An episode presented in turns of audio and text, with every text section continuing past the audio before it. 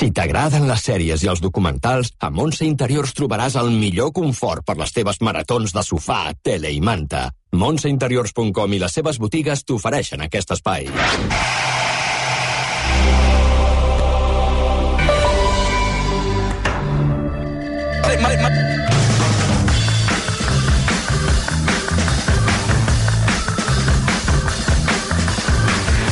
Les 6 de la tarda, 8 minuts, i estem instal·lats eh, amb el sofà de Mons Interiors, ben còmodes, amb uh, Mònica Folquet. Ai, Mònica, Mònica Planes. Planes. Mònica Planes, uh, bona tarda. Bona tarda. Estem aquí patant la xerrada amb la Mònica Planes, que avui ens ha triat una, un documental que, si de la veritat, quan me'l va dir vaig pensar en aquesta història i ens la coneixem, la història, i fins i tot eh, se'n va fer una pel·lícula.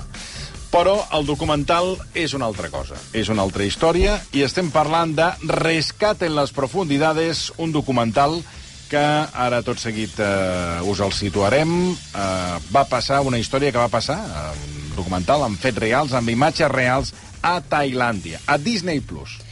Segur que recordeu la, la notícia. Va passar el juny del 2018. 12 nens entre 11 i 16 anys i el seu entrenador de futbol van quedar atrapats per l'aigua en una cova subterrània molt profunda i aquest documental el que fa és reconstruir no la notícia sinó el complicadíssim procés de rescat perquè molts a la televisió vam anar veient el seguiment d'aquesta notícia vam saber que finalment els havíem rescatat però no sabem com va ser l'operatiu perquè finalment aquests nens eh, sortissin d'aquesta cova.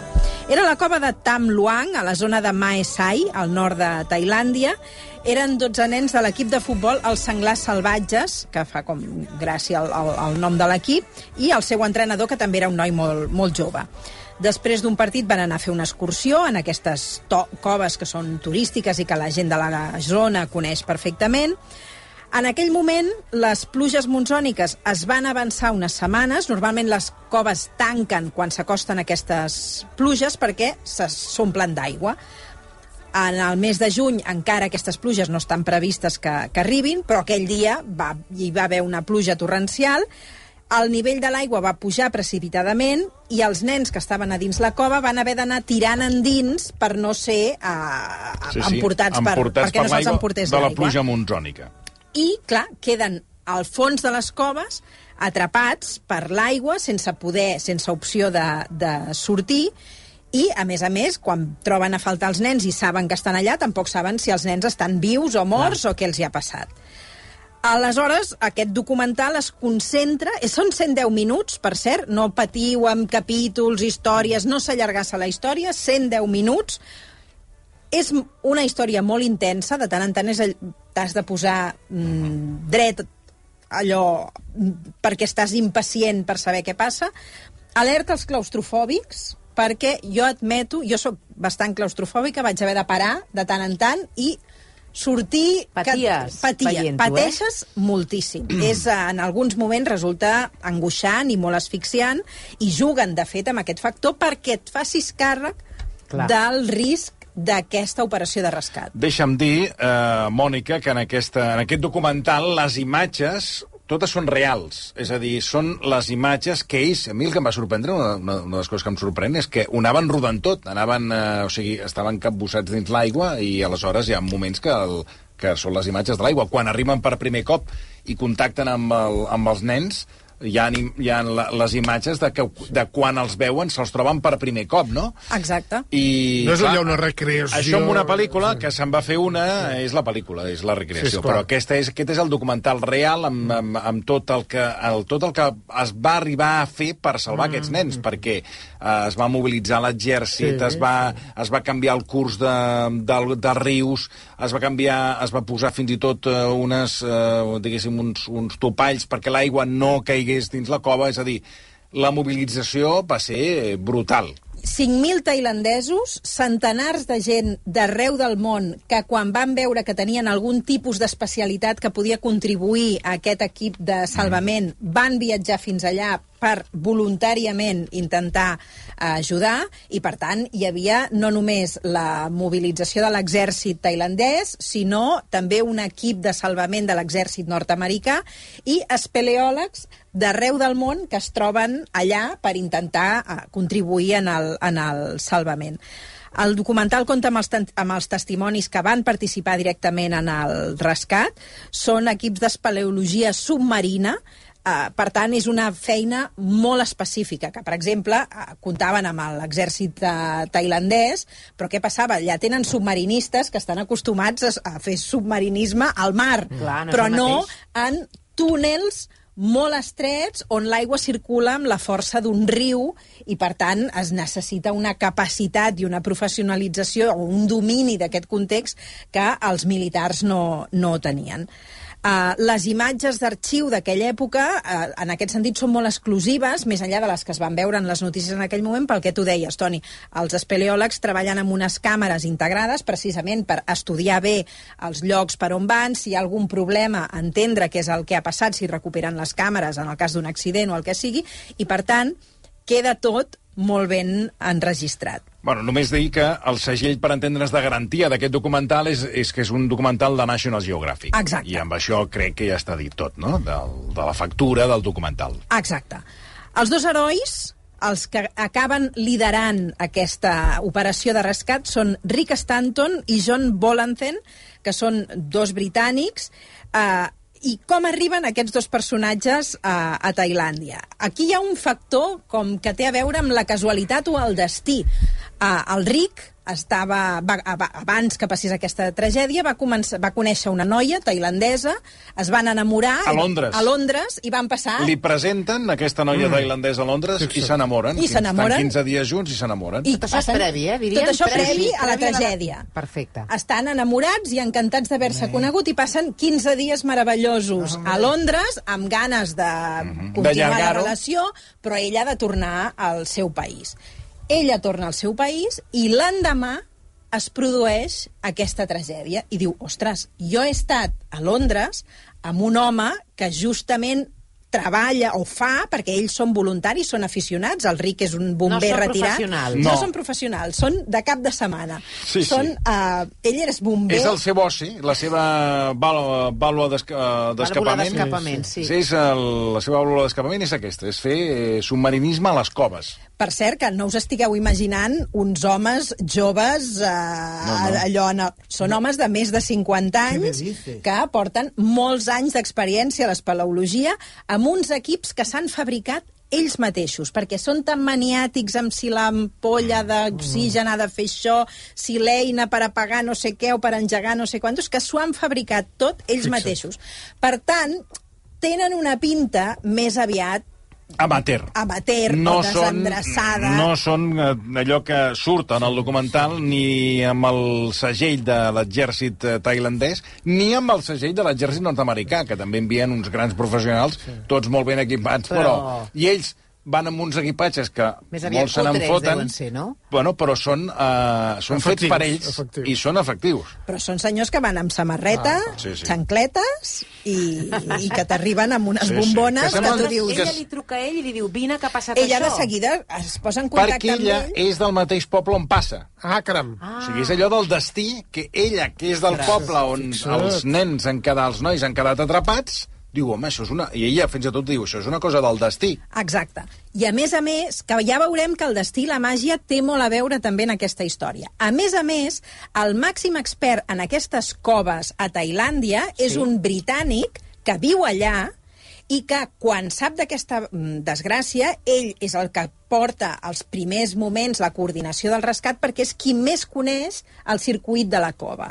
I, a més a més, quan li diuen, escolti, això qui ho pot fer, ell dona en el ministre tailandès una nota amb els noms dels dos millors espeleòlegs submarinistes del món. I també és Enric. Per tant, quan truquen en el Ric perquè viatgi fins a Tailàndia, veu que la seva companya ha pensat en ell, que el, el màxim expert en aquestes coves ha pensat en ell i, per tant, diu... Uh, Vaig cap allà. Vaig cap allà de seguida perquè això era, uh, era la meva missió. Pensé que aquello llevaba escrito nuestro nombre. Recordamos que teníamos un contacto sobre el terreno. Un tipo británico, Bern Answorth. Conocía muy bien la cueva. Bernard había llevado la nota de emergencia al ministro de Turismo y Deporte de Tailandia. Bernard me llamó y dijo, vienes a Tailandia en el vuelo de las nueve y media esta misma noche. Viajamos en primera, lo cual fue toda una experiencia. Eso me gustó bastante. Fue genial, porque somos voluntarios. No nos pagan. Llegamos al aeropuerto de Chiang Rai. Había un gran cartel que decía, damos la bienvenida a los mejores buceadores de cuevas del mundo. Y nos llevaron hasta el letrero y tuvimos que posar frente a él. Todo muy bochornoso. No els va agradar. No. No els hi va agradar? Aficionats, eh? T'has fixat, no? Els aficionats són els bons, com jo amb la medicina, Mira eh? que tu és metge. Bueno, en aquest cas li dono la sí. només en aquest cas li dono la raó perquè ells són aficionats del món de la, Gràcies del submarinisme la i raó. l'espeleologia. Sí, sí, allà tots tenen, hi ha un, economisme, un economista, de fet el John és consultor, però hi ha uh, un electricista, Ah, uh, és a dir, hi ha oficis de tota mena que, a més a més, en el seu temps lliure, són espeleòlegs. I aquest, de fet, és un dels punts forts del documental. I és que no només explica el rescat, sinó que explica quina mena de persones són les que tenen la capacitat i la personalitat adequada per assumir aquests rescats tan terriblement claustrofòbics. I jo trobo que aquí hi ha una part que equilibra molt la història, perquè no es tracta només d'aquesta intensitat tan bèstia d'un rescat tan, tan arriscat, sinó aquesta part humana, de dir què mou aquests personatges i com la personalitat determina el fet que això acabés tenint èxit. Escolteu eh, què és el, el, quina és la personalitat que han de tenir. ¿Qué hace que alguien quiera ser explorador? Creo que son dos partes de ego, una parte de curiosidad, una parte de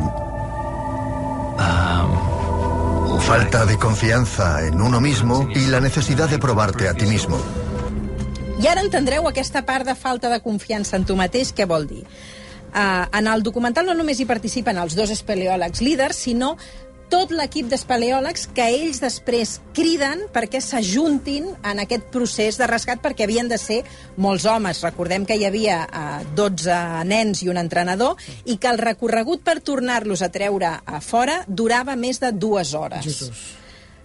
Per sota l'aigua. per sota l'aigua, si és que aquesta és finalment l'opció Ah. per treure'ls. Però, diguem que el recorregut, les coves eren de més de 10 quilòmetres de, de profunditat.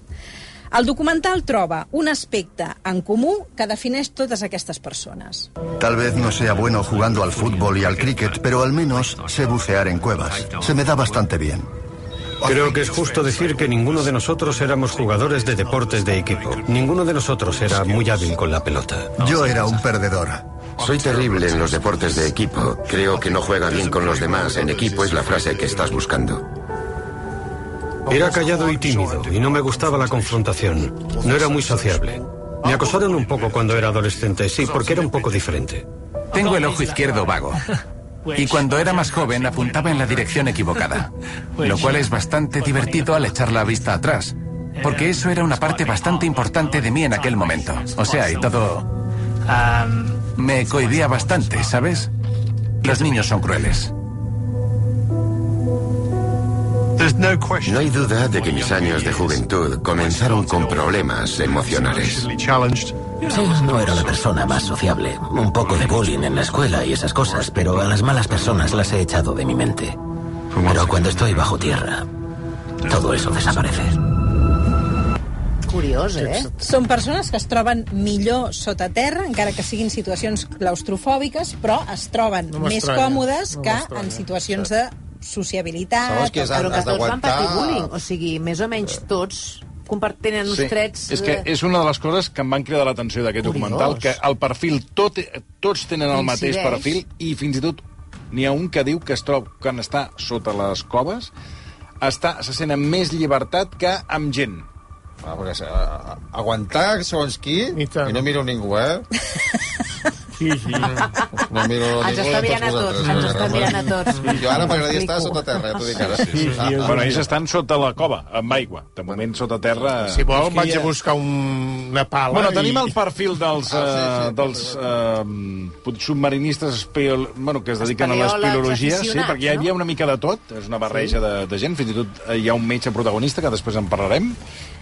Ara parlarem de com ho fan per mantenir la calma. És a dir, ells saben que si sota terra, envoltats de fang molts cops, encara que vagin uh, fent submarinisme, tot el que els envolta és fang, ni tan sols poden posar... És aigua el- bruta. És aigua bruta i, per tant, Esclar. no poden posar uh, el peu a terra, visibilitat molts cops zero, i a vegades els llocs per on passen té un diàmetre just perquè hi passi el seu cos, no? o fins i tot molt estret. Com ho fan per mantenir la calma? Estaba rodeado por la oscuridad. No sabíamos si nos íbamos a encontrar con cadáveres. Nos estábamos preparando para esa eventualidad. Sé que estaba preparado para encontrar lo que fuera, porque lo había visualizado cuidadosamente. Soy un gran creyente en la visualización. Trato de poner las emociones en una caja. Visualizo una estantería y pongo la caja en el estante superior. La dejo allí y hago lo que tengo que hacer. Aquesta visualització és la que els hi és molt útil, sobretot perquè diuen que en aquests tipus de, de coves el pànic és la mort. Clar. Mai has de prendre la, la calma, de perdre la calma, passi el que et passi.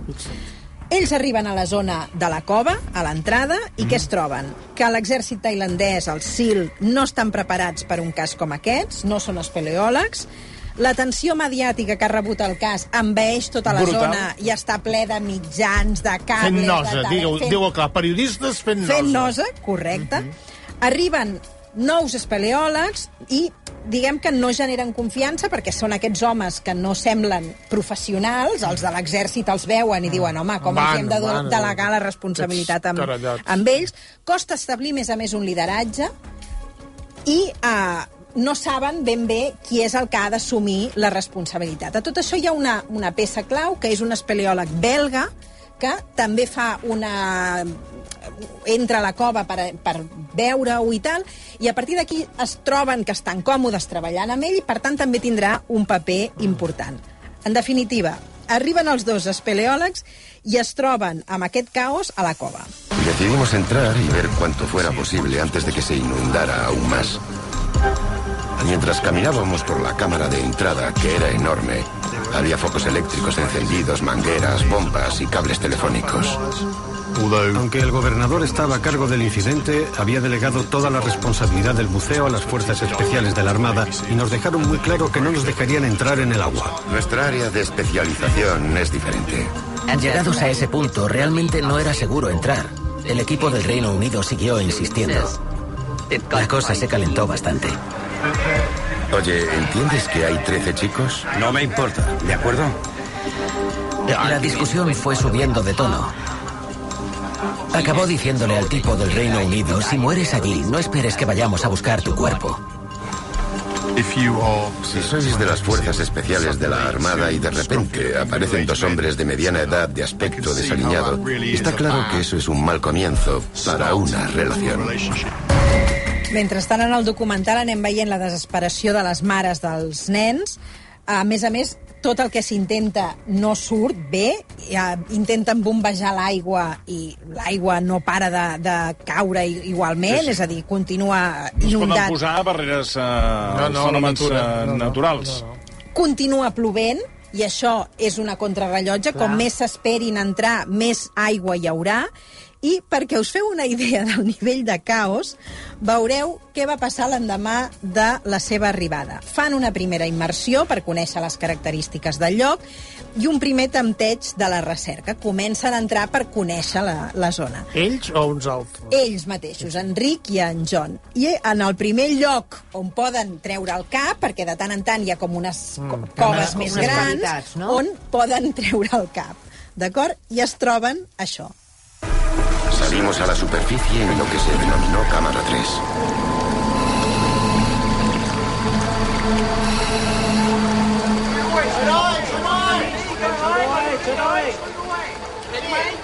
Creímos que habíamos encontrado a cuatro del equipo de fútbol.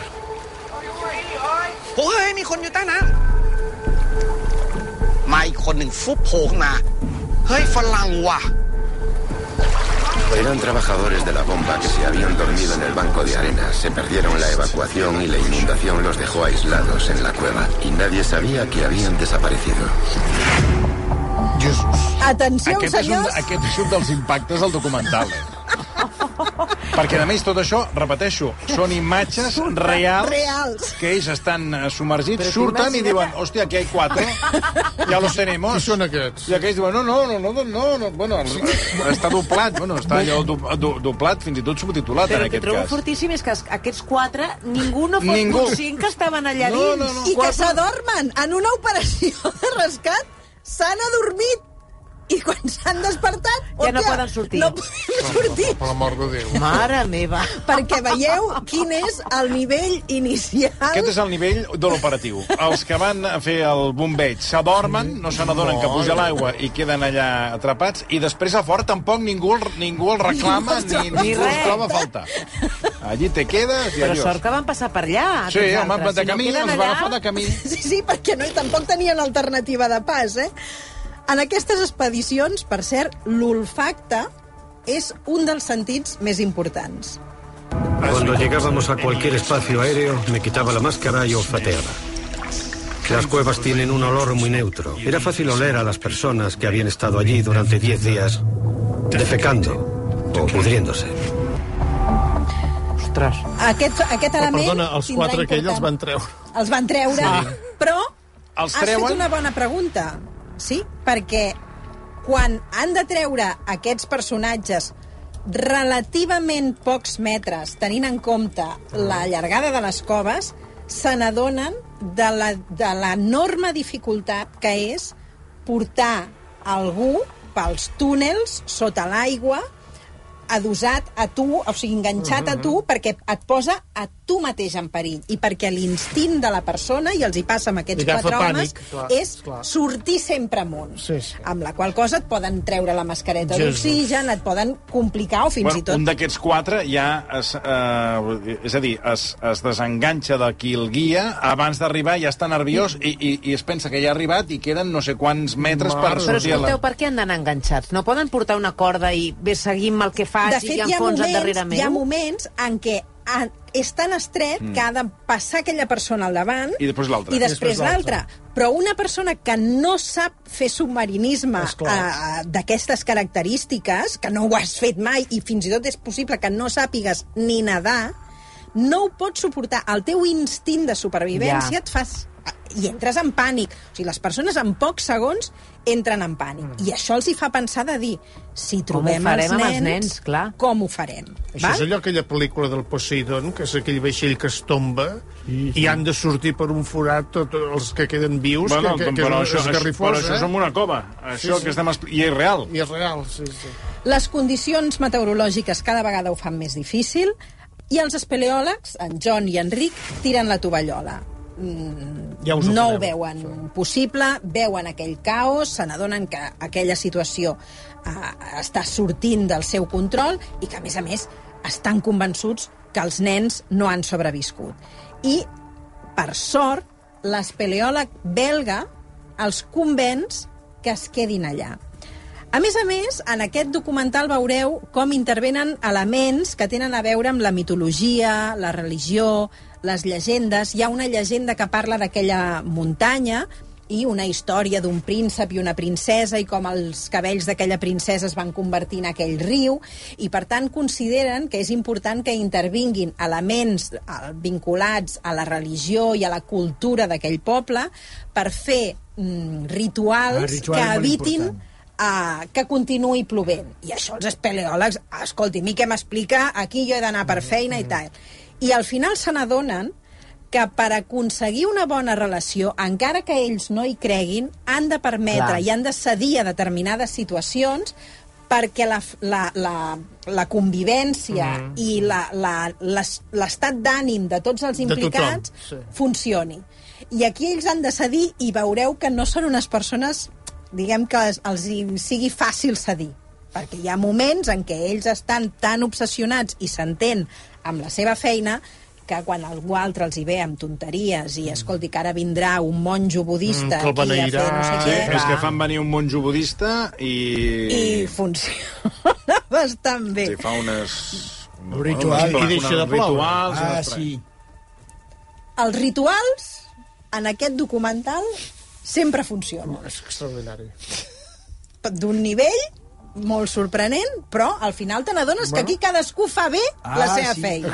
Ah, ja, igual que en aquest programa, Clar, el tema de Lluís. la pluja. Josep Lluís, perdona. Josep Lluís, no, si no diràs el nom bé, mai, mai, mai. Al final hauré de fer un ritual perquè aprenguis a dir el nom. Ah, que desastre. Continua, perdó.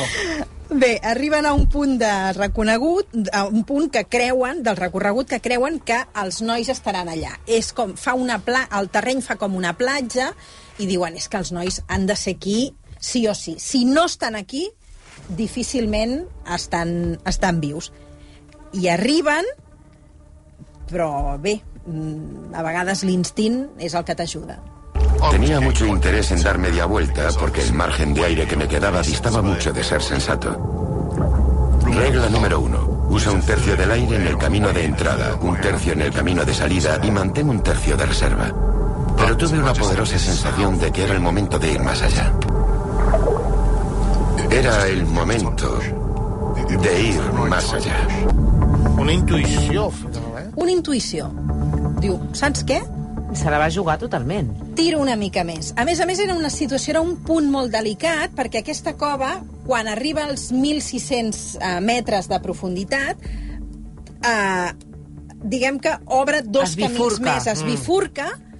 I, a més a més, aquí la, la intensitat de la pluja eh, o de l'aigua és, encara més, in, fa- fa és remolí. encara més Sí, intensa. sí, Eh, Heu d'imaginar-vos que estan eh, fent, eh, estan bussejant amb, una, amb, una, amb, amb molta corrent de, de l'aigua.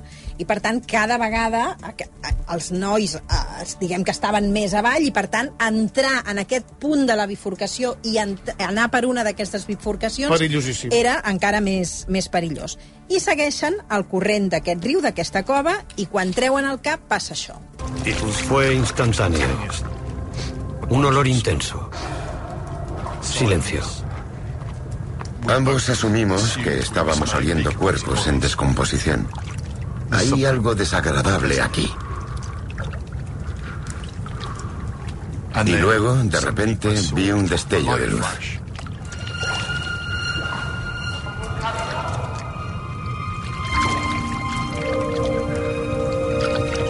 John inmediatamente sacó la cámara.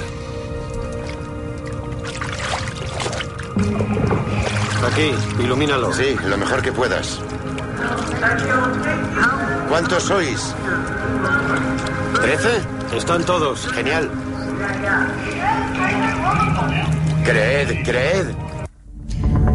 I ara escoltareu la primera conversa que mantenen en el moment de la trobada. Aquestes imatges sí que en el moment que es va fer les, la notícia van, els, els informatius les van ensenyar i això és el que s'enregistra en aquell moment. En el audio se me oye diciendo creed, yo diciendo creer. También me lo decía a mí mismo, esto es real, está pasando de veras. No, hoy no. Por favor. Hoy no, tenemos que bucear, vendremos, tranquilos. Está bien. Vendrá mucha gente. Muchas personas. Somos los primeros, vendrá mucha gente. Mañana. Pregunta qué día es. 12. No lo sé. Lunes, lunes. De acuerdo, pero una semana y un lunes. Habéis estado aquí diez días. Diez días, sois muy fuertes. Sí. Muy fuertes.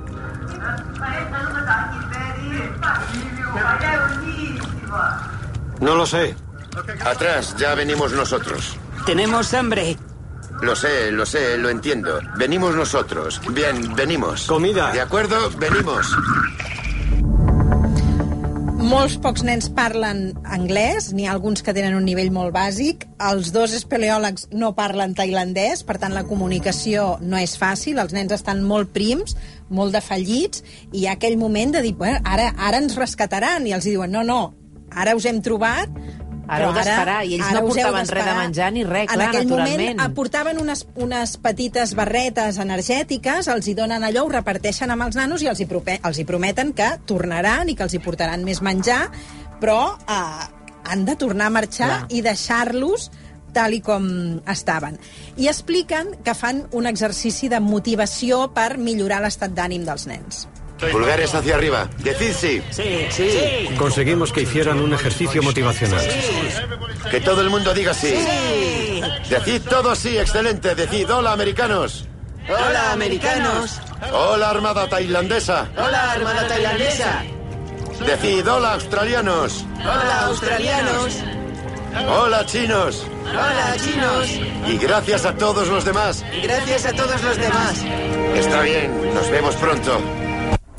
Aquest exercici motivacional fa molta gràcia perquè no és només un exercici motivacional pels nens, sinó també pels equips de rescat que hi ha fora, que és per mantenir-los implicats en aquesta operació de rescat on cada vegada tothom té més ganes de plegar i marxar a casa seva. Per tant, és una manera de crear un vincle entre els que estan a dins i els que estan a fora.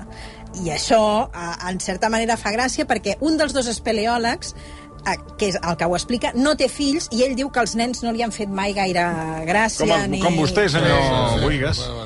I en canvi l'altre és pare d'un- d'un d'un noi i li diu que ell li delega tot el tema de la, rela de la relació amb els nens amb ell perquè diu com que té un fill ell s'apanya Mm. millor, sempre ha treballat més amb els nanos i és el que fa tot aquest exercici motivacional. I la veritat és que són persones que, tot i que a l'inici han explicat que la relació social els hi costa, són persones que en situacions crítiques demostren una gran humanitat i una gran sensibilitat i molta psicologia per saber tractar les altres persones i tenen una capacitat empàtica d'entendre quines són les circumstàncies d'algú que no sap fer submarinisme, que no sap mm, estar sota terra, i els entenen perfectament i saben posar-se en el seu lloc i entendre quines són les dificultats. I això, al llarg de tot el documental, ho vas veient i és molt emocionant. En aquest punt, en què ja han trobat els nens, portem 40 minuts de documental. Jesus. I us he dit que en durava 110. I podeu dir, home, si ja han trobat les criatures, Ja està. ja està. Ja està, posin un acorde. Doncs no. És aquí, és en aquest punt, que la història comença de veritat. I és com traiem aquests nens d'aquí.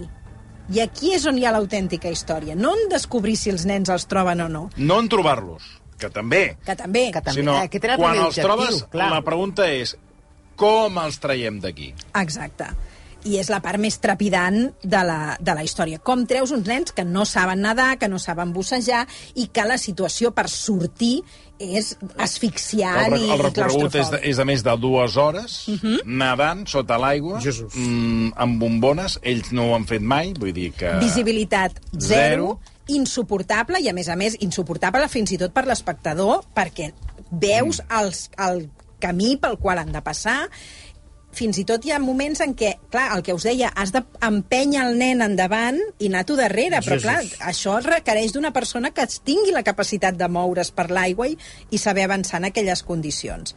Aquí és on comença l'autèntica aventura i comencen a plantejar possibles opcions cap de bona per sortir d'allà. Opció 1, ara que ja sabem on són, bombegem aigua fins que s'assequi mm. la cova. Sí. Impossible. Perquè milions de litres d'aigua impliquen només un centímetre de descens de, del nivell de l'aigua. No podran, no podran. Eh, No ho veig possible, no, crec que no ho aconsegueixin. Eh? Però, escolti, que ja No, passa- no hi posis tantes esperances perquè després tindràs una decepció. Esperi, que hi ha més opcions. Fer un forat des de dalt. Ah, això, lo lògic. I comencen a... I, de fet, i comencen a foradar la a foradar, muntanya. Intenten, intenten aforadar, Sí. de fet, de dir, doncs, Sí. a veure, seguim el recorregut aquí, de la cova, Xile, tirem no? avall... El minero de Xile van fer un... Sí. i van muntar un Eh, ascensor. estan perforant i ja veuen que, Que allò- que pas, a, a, trigaran sis mesos Sí, a sí, arribar sí. on estan. És impossible. Una altra opció, esperar que passin les pluges monsòniques. Què passa? Que estem al mes de juny i les pluges no s'acaben com a mínim fins al mes d'octubre. Jesús.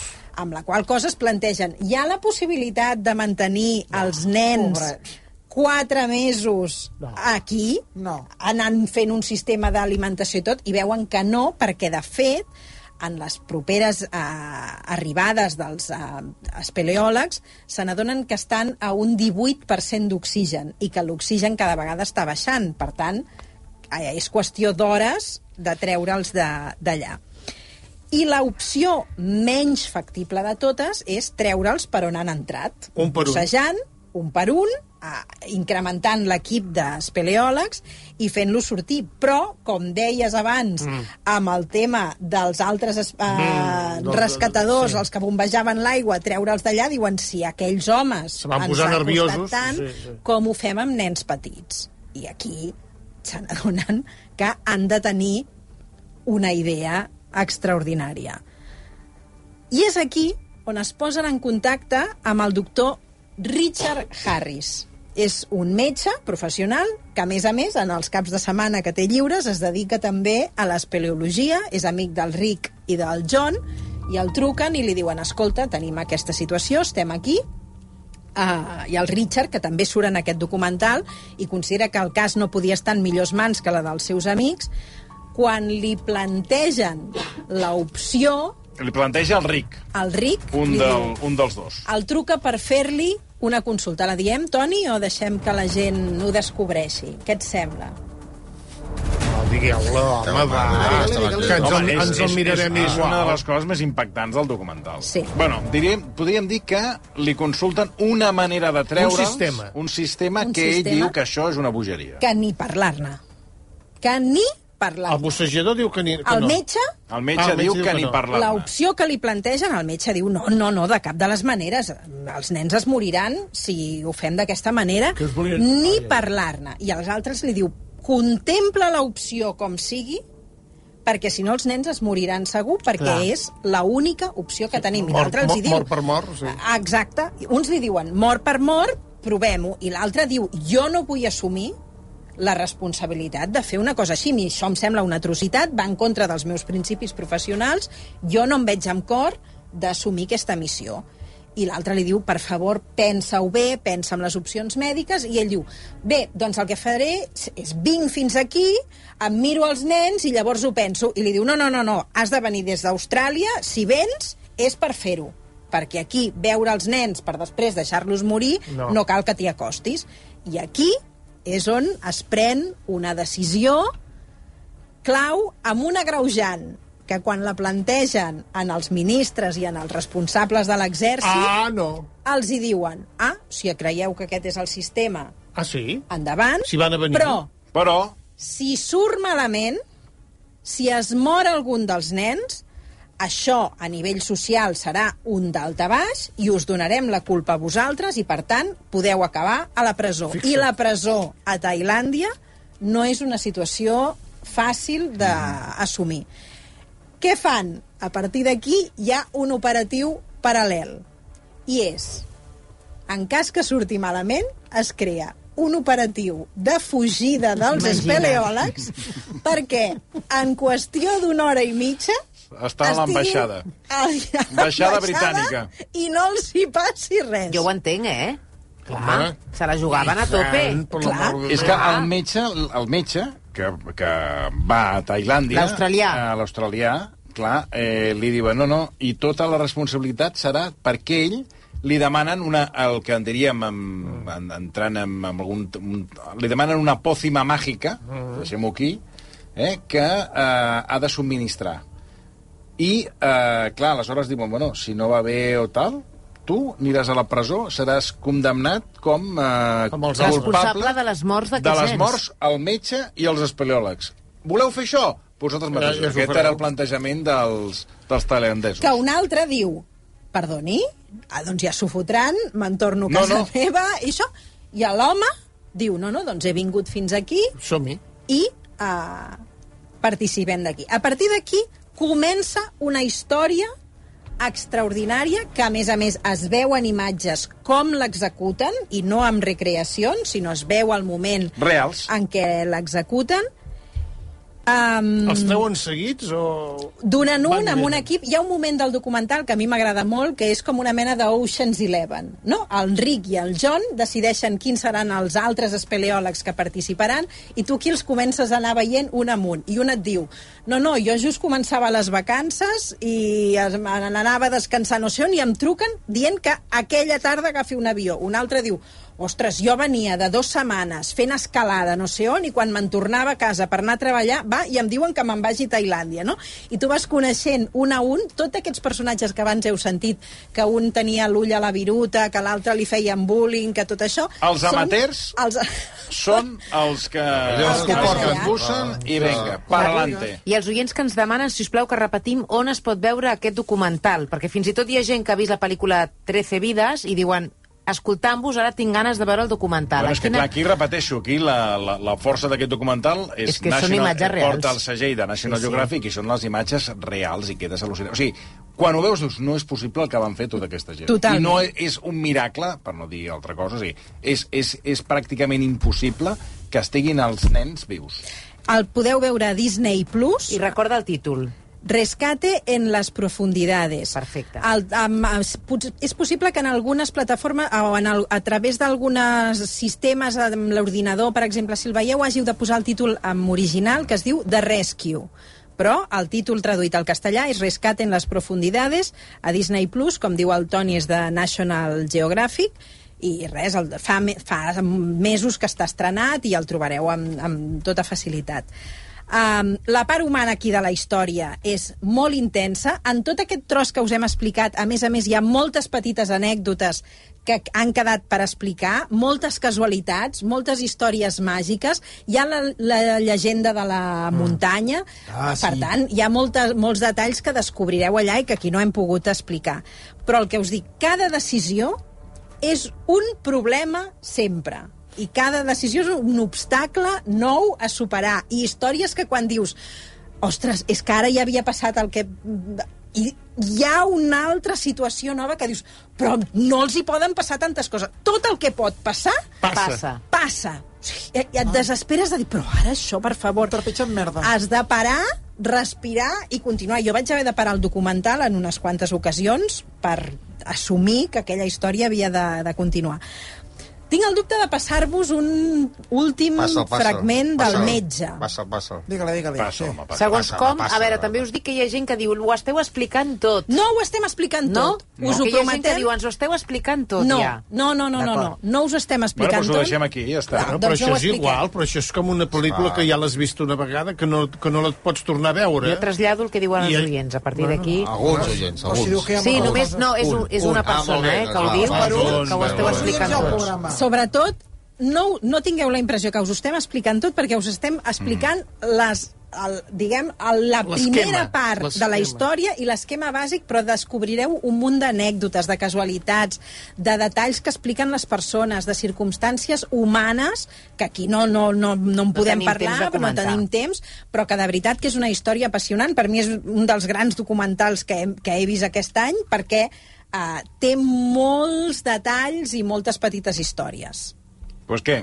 Ah, passeu aquest, home, passeu el tros aquest. És que és una mica dur i potser... Eh?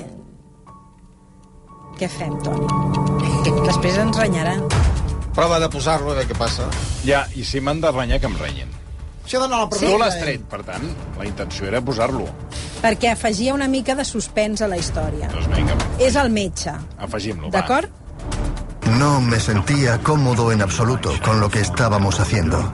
Hay dos cosas que son realmente muy fuertes. Una, sumergir la cara de alguien que está inconsciente bajo el agua.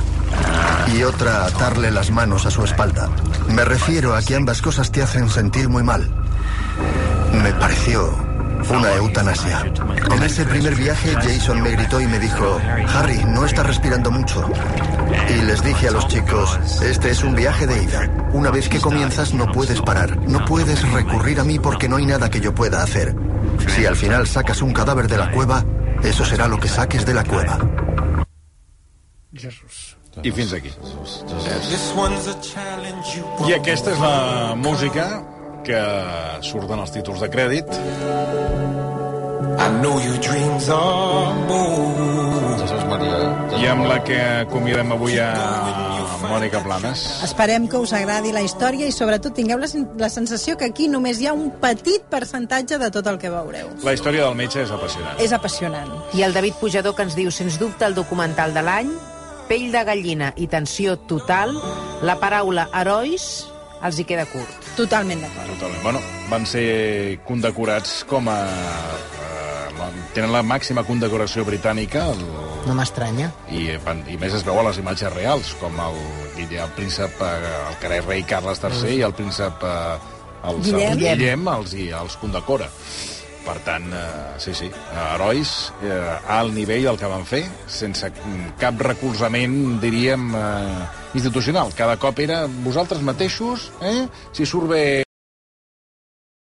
ho celebrarem nosaltres, eh? el govern de Tailàndia que us ha proporcionat l'oportunitat, i si no, doncs a la eh, presó. a la presó eh? Veus que bé? Mònica, bon any. Igualment. Bon any 2023.